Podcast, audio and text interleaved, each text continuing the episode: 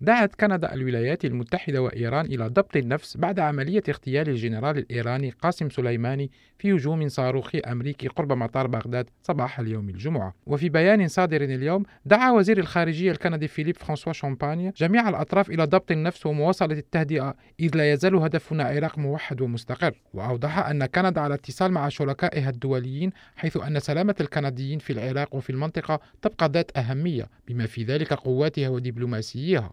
وأضاف البيان أنه لطالما شعرت كندا بالقلق إزاء فيلق القدس التابع للحرس الثوري الإسلامي بقيادة قاسم سليماني الذي كان لأعماله العدوانية تأثير مزعزع للاستقرار في المنطقة وخارجها حسب البيان. وقتل الجنرال الإيراني النافذ قاسم سليماني مع القيادي الكبير في الحشد الشعبي العراقي أبو مهدي المهندس فجر الجمعة في هجوم صاروخي أمريكي استهدف سيارتهما قرب مطار بغداد الدولي. ما يثير مخاوف من نزاع مفتوح بين واشنطن وطهران. وتوعدت طهران بالانتقام بينما دعيت قوات الحشد للرد على الضربة الأمريكية الجوية التي تسببت أيضا بمقتل سبعة أشخاص آخرين. وأعلنت وزارة الدفاع الأمريكية البنتاغون أن الرئيس الأمريكي دونالد ترامب أعطى الأمر باغتيال سليماني واتخذ الجيش الأمريكي إجراءات إجراءات دفاعية حاسمة لحماية الموظفين الأمريكيين في الخارج وذلك عبر قتل قاسم سليماني. وكان هذا الأخير قائد فيلق القدس في الحرس الثوري أي الجيش العقائدي للجمهورية الإسلامية الإيرانية وموفد بلاده إلى العراق وسوريا ولبنان للتنسيق مع المجموعات المسلحة الموالية لإيران في هذه الدول.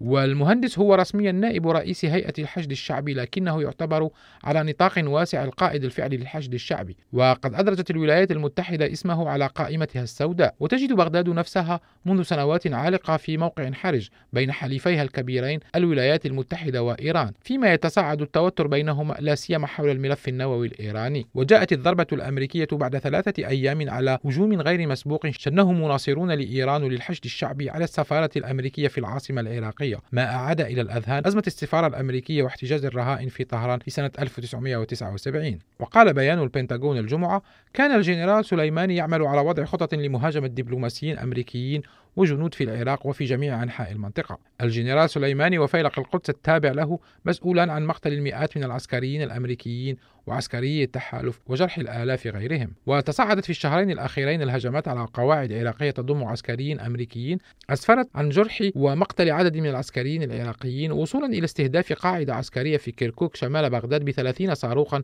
في الثامن والعشرين كانون الأول ديسمبر ما تسبب بمقتل مدني أمريكي. وقد ردت الولايات المتحدة في اليوم التالي بقصف منشآت قيادة وتحكم تابعة لكتائب حزب الله. أحد أبرز الفصائل الموالية لإيران في الحشد الشعبي. ما تسبب بمقتل 25 مقاتلا. ويأتي هذا التطور بعد أكثر من ثلاثة أشهر على حركة احتجاجية شعبية في العراق ضد السلطات العراقية والنفوذ الإيراني الواسع في البلاد. وتجمع عشرات العراقيين الذين يشاركون في التظاهرات صباح الجمعة في ساحة التحرير في وسط بغداد. وهم يغنون ويرقصون بعد انتشار خبر مقتل سليماني. وفي تصريح لشبكة سي إن إن علق وزير الخارجية الأمريكي قائلا We have every expectation that people not only in Iraq but in Iran will view the American action last night as giving them freedom. توقعاتنا بأن الناس ليس فقط في العراق ولكن في إيران أيضا سوف ينظرون إلى ما قام به الأمريكيون الليلة الماضية على أنه يمنحهم الحرية كما قال مايك بومبيو وزير الخارجية الأمريكي